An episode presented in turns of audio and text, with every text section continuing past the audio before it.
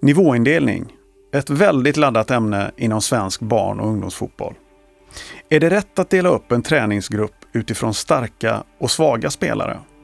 Utifrån mer motiverade och mindre motiverade barn? Många tränare har ställts inför dessa frågor.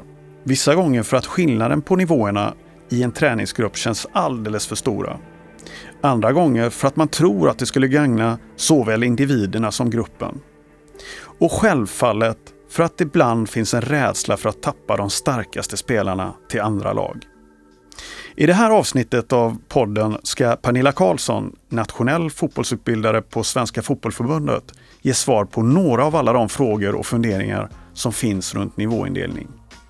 Ni kommer också få höra om hur en av hennes bästa spelare utvecklades genom att växla mellan olika grupper.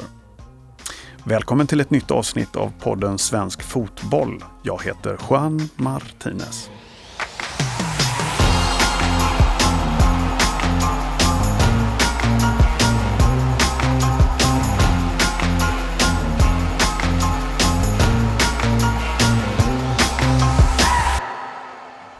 Pernilla Karlsson, välkommen till podden Svensk Fotboll. Tack så hemskt mycket. Du, eh, vi går rakt på sak. Varför ska man undvika nivåindelning? Vad är skälet? Ja, alltså den här permanenta nivåindelningen, det är framförallt den man pratar om och det handlar ju mycket om att eh, barn utvecklas olika. Eh, om man får en, en nivåindelning så så vet man inte vilka val man gör för att eh, man vet egentligen inte varför man har valt ut de barnen. Om de är tidigt utvecklade eller om de är födda tidigt på året eller ja, vad det är som gör det. Och barn behöver ha sina sociala sammanhang, få träna med sina kompisar och sina vänner. Och sen så är det också så här att det kanske blir kortsiktiga vinster men på längre sikt så, så eh, ser vi att det blir för mycket negativa konsekvenser utav permanent nivåindelning. Är det oftast den stora skillnaden i synen på nivåindelning att man, att man har det korta perspektivet, man vill vinna en match, man vill eh, hålla kvar en spelare som man kanske tror går förlorad mot det här längre perspektivet att resultatet spelar mindre roll. Är det det som skiljer rent ideologiskt att säga i synen på, på nivåindelning? Jag tror att eh, det är både det. Men jag tror också att eh, nivåindelning, man, man tror att det är till gagn för alla, att man tränar mot de som är lika bra som en själv. Att man tror att det är det som ger eh, flest vinster. Och sen så är det också så att det är lättare för tränaren att ha mer homogena grupper att träna. Trots att ni från Svenska Fotbollförbundet gång efter annan påtala riskerna så finns det ju ändå väldigt många anhängare av nivåindelning upplever jag i alla fall när jag är ute. Mm. Man, man hör många som tycker nej men vi, vi, de ska träna ihop och den ska spela med det laget ett tag nu för att utvecklas. Och hur kommer det sig att man, att man ändå håller fast vid synen att, eh, att det är bra med nivåindelning?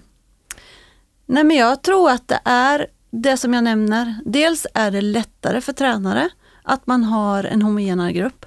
Eh, att de som man ska träna har kommit ungefär lika långt. Det är praktiskt så blir det mycket enklare eh, för mig som tränare.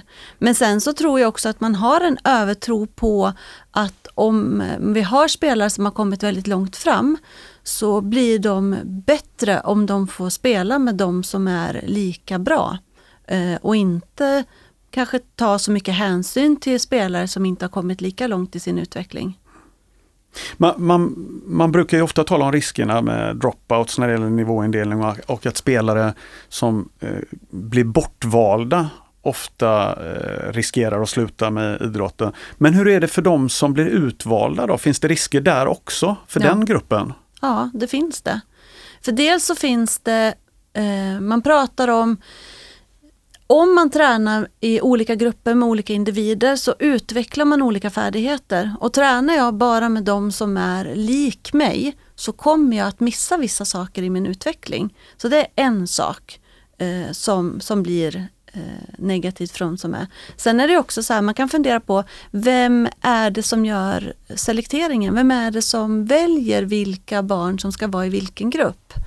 Eh, och vad är det man ser hos de barnen som gör att de ska vara där. Och är det så att det är ett barn som är tidigt född till exempel eller som har en tidig fysisk utveckling så kanske de andra barnen efter ett tag kommer ikapp. Vilket gör också att det barnet kanske tappar sin status som en bättre spelare eller hur man ska säga. Mm.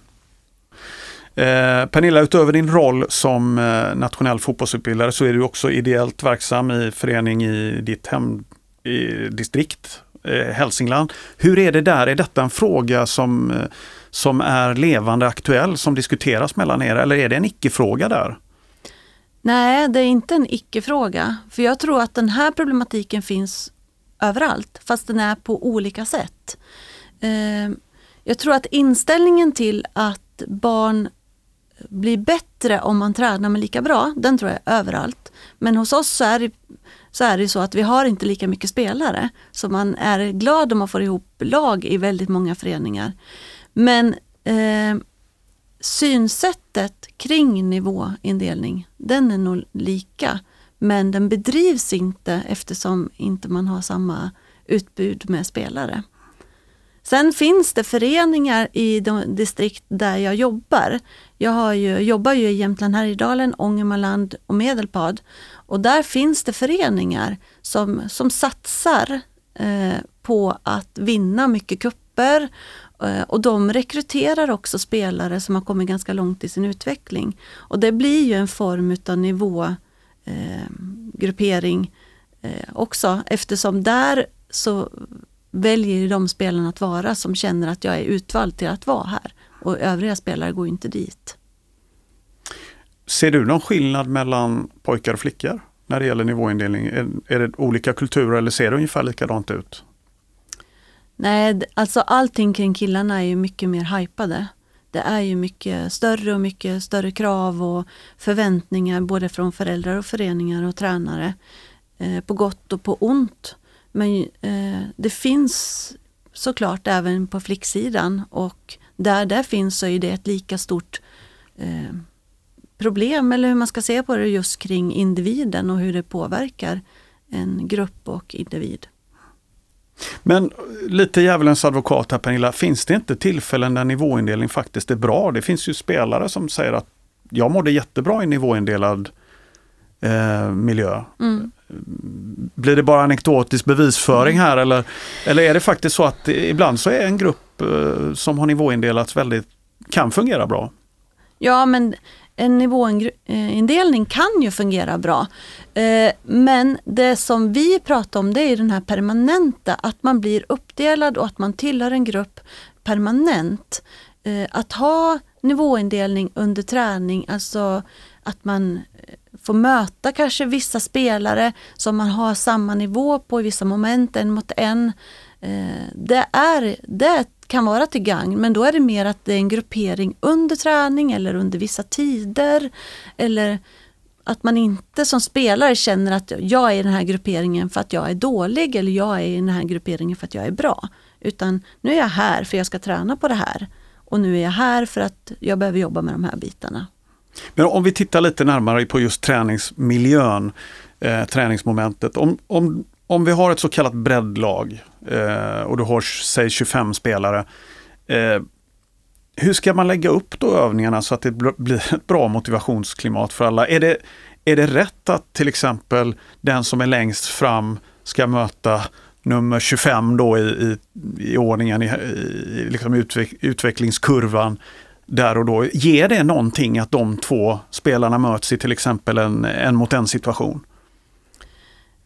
Alltså, just i de situationerna där man möter en mot en, då tycker jag som ledare så är det jätteviktigt att man, att man har koll på vilka spelare som är vart. Eh, och där skulle inte jag tycka att det är så smart att sätta eh, kanske den som har eh, kommit längst mot den som inte har tagit sig iväg någonstans knappt, det, som kanske precis har börjat spela fotboll eller sådär. Utan då är det ju också du som ledare som måste liksom ha en förståelse kring att ja men vilka ska mötas i de här momenten och då går du som ledare in och försöker få till att ja men här så möts ni två för det här blir bra. Och är det så att man ser att det är ojämnt, att ge eh, individuella utmaningar i träning. Att man får jobba med saker som man behöver ta ett steg till. Eh, man kanske ska träna in en ny fint eller man ska eh, göra eh, nya tekniska moment. Och så får man jobba med det om man känner att det har blivit, eh, de är där de kan det. Då ut, att man går in som tränare att utmana varje spelare individuellt. Men jag tänker också på det här eh, Pernilla att eh, det finns ett krav på att alla barn ska få vara med, eh, ta del av idrotten, fotbollen. Säg att du har en grupp som du har jobbat med ett tag, de har kommit en bit kollektivt, det finns skillnader i gruppen. Eh, du har kanske varit tränare för sig det här laget i tre, fyra år och så kommer en nybörjare som du ska integrera i gruppen. Du känner att du kanske inte har tid att ägna den tiden som den här nya spelaren kräver för att integreras i gruppen. Hur ska man tänka där? Alltså, kan man säga nej till en nybörjare tänker jag, om man ja. känner att som tränare att det här kommer att slå mot gruppen? Mm. Alltså,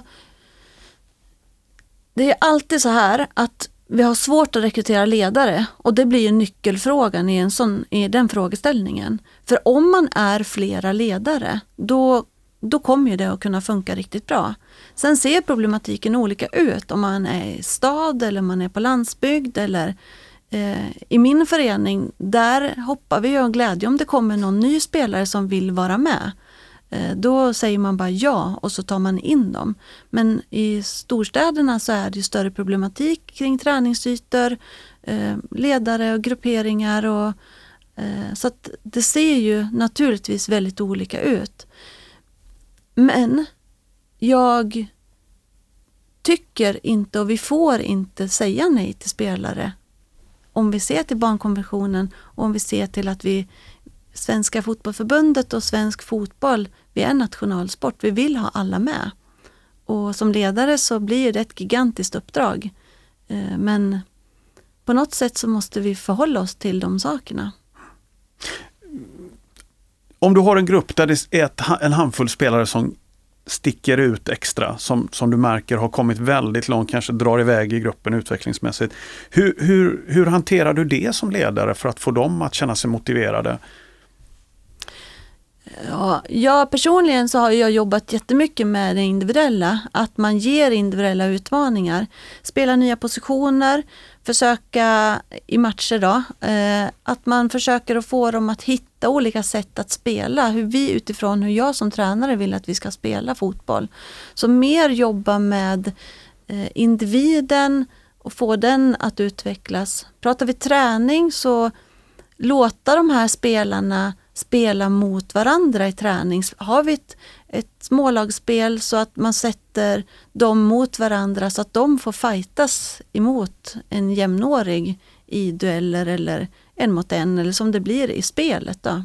Är inte det nivåindelning då? Jo, det blir en nivåindelning på ett sätt men det blir inte en permanent nivåindelning. Men det blir att jag utifrån individen hittar en utmaning mot de som spelare. Hur ser du på eh, fenomenet, det här med rotationsträning som många förordar, att man, ska, man kan flytta spelare eh, såväl upp eh, men även ner i eh, kanske åldersgrupper för att ge spelare eh, olika utmaningar. Eh, jag upplever ibland att man kanske mest tänker på de här som ska flyttas uppåt i hierarkin. Eh, hur, hur, tänker du kring det? Är det ett sätt att hantera de här olika utmaningarna man har med, med barn Ja, det, det är ju ett sätt. Och det är också ett sätt för de eh, spelarna som vill lite mer att hitta motivation såklart. Men, eh, och utmaning i det också. Men det som är viktigt också det är att de spelarna som har kommit längst fram, det är inte kanske alltid de spelarna som brinner mest. Så det, när vi pratar rotationsträning så är det väldigt lätt att vi hamnar på att ja, vi ska stimulera de bästa och det tycker jag absolut att vi ska göra. Eh, det har jag absolut ingenting emot. Men eh, jag tycker också att det är viktigt att förstå att en spelare som kanske har börjat sent, som har funnit sin passion i fotbollen, kanske också vill träna mer och att man hittar rotationsträning även för, för de spelarna. Alltså man kan välja om man vill vart man vill spela extra eller träna extra och, och få sin plusträning. Då. Du, Ibland är ju faktiskt föräldrarna drivande i att nivåindela. Min, min, eh, mitt barn har kommit väldigt långt. Hur ska du hantera det som ledare? Vad, vad ska du göra för att stimulera mitt barn? Vad, vad tänker du om det? Vad, vad, vad ska man göra där som ledare? Ja, det, det är ju jättevanligt och det är inte alls konstigt att det är så. För väldigt många eh, barn som har kommit långt har också väldigt drivna föräldrar.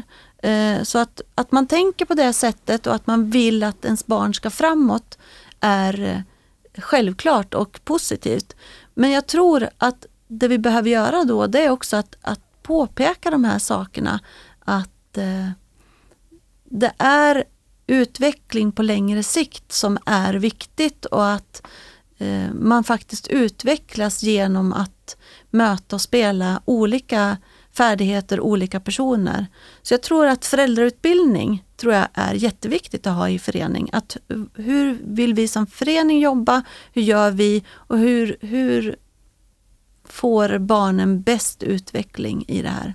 Och där har vi ett material från Spela, lek och lär där det finns en, eh, en föräldrautbildning som, som bygger på vårt dokument och Spela, lek och lär. Hur har det sett ut i, i de miljöer du har verkat i när du har, när du har en grupp eh, med, med väldigt olika nivåer? Hur har du hanterat det för att göra det bästa av för hela gruppen? Men jag har verkligen jobbat med dem som individer. Eh, jag, det sista laget som jag tränade så var det en otroligt stor nivåskillnad på spelarna. Jag hade några spelare som började spela eh, som 13 år, 13-åring. Och jag hade de som hade spelat från att de var fyra år. Så det var otroligt stor skillnad. Men det, jag har jobbat med dem som individer och jag tror att det har gjort att de har tyckt att det har varit väldigt, väldigt stimulerande att spela fotboll och fortsatt. Eh, jag hade faktiskt en tjej som var jättemånga som sa att ja men hon kommer sluta. Och då frågar jag, men varför, varför tror ni det för? Ja men hon kommer förstå att hon inte är bra. Och jag bara, men jag tror inte hon kommer sluta. Hon tränar ju varenda träning. Nej men hon kommer fatta att, att hon inte är bra nog.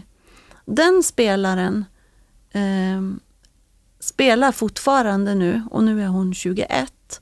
Och hon eh, är också aktiv på fritiden i ledarskap också och är kvar som ledare i en förening. Och det här gör ju också att jag tror ju verkligen på den här glädjen och, och att man som ledare kan kliva in och möta dem individuellt för att utveckla dem som spelare. Du har ju också haft eh, väldigt duktiga spelare och, och, och förhålla dig till. Hur har du hanterat det? Jag vet att du har någon, eh, någon spelare som du tänker på speciellt som du följde genom åren. Ja. Nej, men jag, I den här grupperingen så hade jag ju eh, tjejer då som började väldigt sent och jag hade tjejer med problematik. Eh, men jag hade också eh, framförallt en tjej som var... Vad för problematik Pernilla? Bara så. Ja, alltså med eh, diagnos och, ja, ja. och sådana delar. Då. Ehm, men jag hade också en spelare som var väldigt, väldigt eh, framåt och väldigt, väldigt duktig och eh, älskade verkligen fotboll, ville spela fotboll konstant och hela tiden. Och där var det så här att det blev ju en, verkligen en utmaning för mig att, att kunna hålla ihop den här gruppen. Men hos oss var det så att vi var väldigt få i vårt lag. Eh, så det blev att alla var väldigt viktiga. För om de inte var på träning eller om de inte kunde spela match så eh, då visste de att men, nu kommer vi inte få ihop lag knappt. Och den här spelaren då som jag tänker på som var väldigt, väldigt duktig. Hos henne så såg jag att hon lärde sig så otroligt mycket i sin spelförståelse genom att vara i den här miljön. För hon fick hela tiden förhålla sig till sina kamrater utifrån deras färdigheter. Och jag hade en spelare som, som jag, eh, ja, jag, jag sa alltid så här, men du är grym på att spela korta passningar. Eh, och hon tyckte att det var jättesvårt att spela alltså en längre passning, men hon var grym på korta passningar. Och då blev det också den här spelaren som var så fram, framstående, som var duktig. Hon blev ju hela tiden, hon sökte ju de ytorna. Hon visste att ah, nu har hon bollen, nu måste jag dit för att kunna få passningen utav henne. Så det blev också ett sätt för henne att komma in och att få en bra spelförståelse. Eh, men, men det där bygger ju på att man har en, ett personligt sätt med spelarna och att man ser dem som individer. Och också att man utmanar dem att eh, göra saker som de kanske inte riktigt är bekväm med. Eh, också i nya positioner och ja. Så hon utvecklades genom att befinna sig i olika miljöer? Och, hon utvecklades genom att befinna sig i olika miljöer. För det mm. vi gjorde sen utifrån lag då, det var att vi skapade eh, miljöer där alla mina spelare blev erbjuden att rotationsträna, som vi pratade om förut. Och då kunde man välja på om man ville, vi var ett F14-lag, och då kunde man välja på om man ville träna med F13 eller om man ville träna med P14 eller om man ville träna med damlaget. Och det gjorde ju att mina tjejer då, de tränade två gånger i veckan och sen kunde de, om de ville, träna på de andra lagarna. Och i stort sett alla var någon annanstans och tränade de andra dagarna. Förutom kanske två stycken, tre, som, som tyckte att det räckte med två gånger i veckan och var där. Liksom. Den spelaren du tänker på, är hon själv eh, medveten om eh, att hon utvecklades? Tycker hon själv idag i retrospekt att fasiken vad bra det där var för min fotbollsutveckling? Har hon förstått det? Ja, det har hon. Och hon säger också att den bästa tiden var då. När jag spelade med mina vänner i mitt lag i Bergsjö. Spelar hon fortfarande? Jajamän. Det gör hon. Fast det är inte så förvånande att hon gör det, tycker jag. Det är mer förvånande att den här tjejen som kom in ganska sent i laget eh, faktiskt fortfarande är otroligt aktiv i fotbollen. Det, det, det tycker jag är, det ger mig större glädje än att faktiskt hon som var riktigt bra fortfarande spelar. Pernilla Karlsson, stort tack för att du tog dig tid att gästa podden Svensk Fotboll. Mm, tack för att jag fick komma. Du har lyssnat på podden Svensk Fotboll med Pernilla Karlsson, nationell fotbollsutbildare vid Svenska Fotbollförbundet. Har du några funderingar, tankar eller idéer som du vill dela med dig av? Kontakta oss gärna på podden svenskfotboll.se. Det är tillsammans med alla er där ute som vi gör svensk fotboll lite bättre hela tiden. Jag heter Juan Martinez. Tack för att du har lyssnat.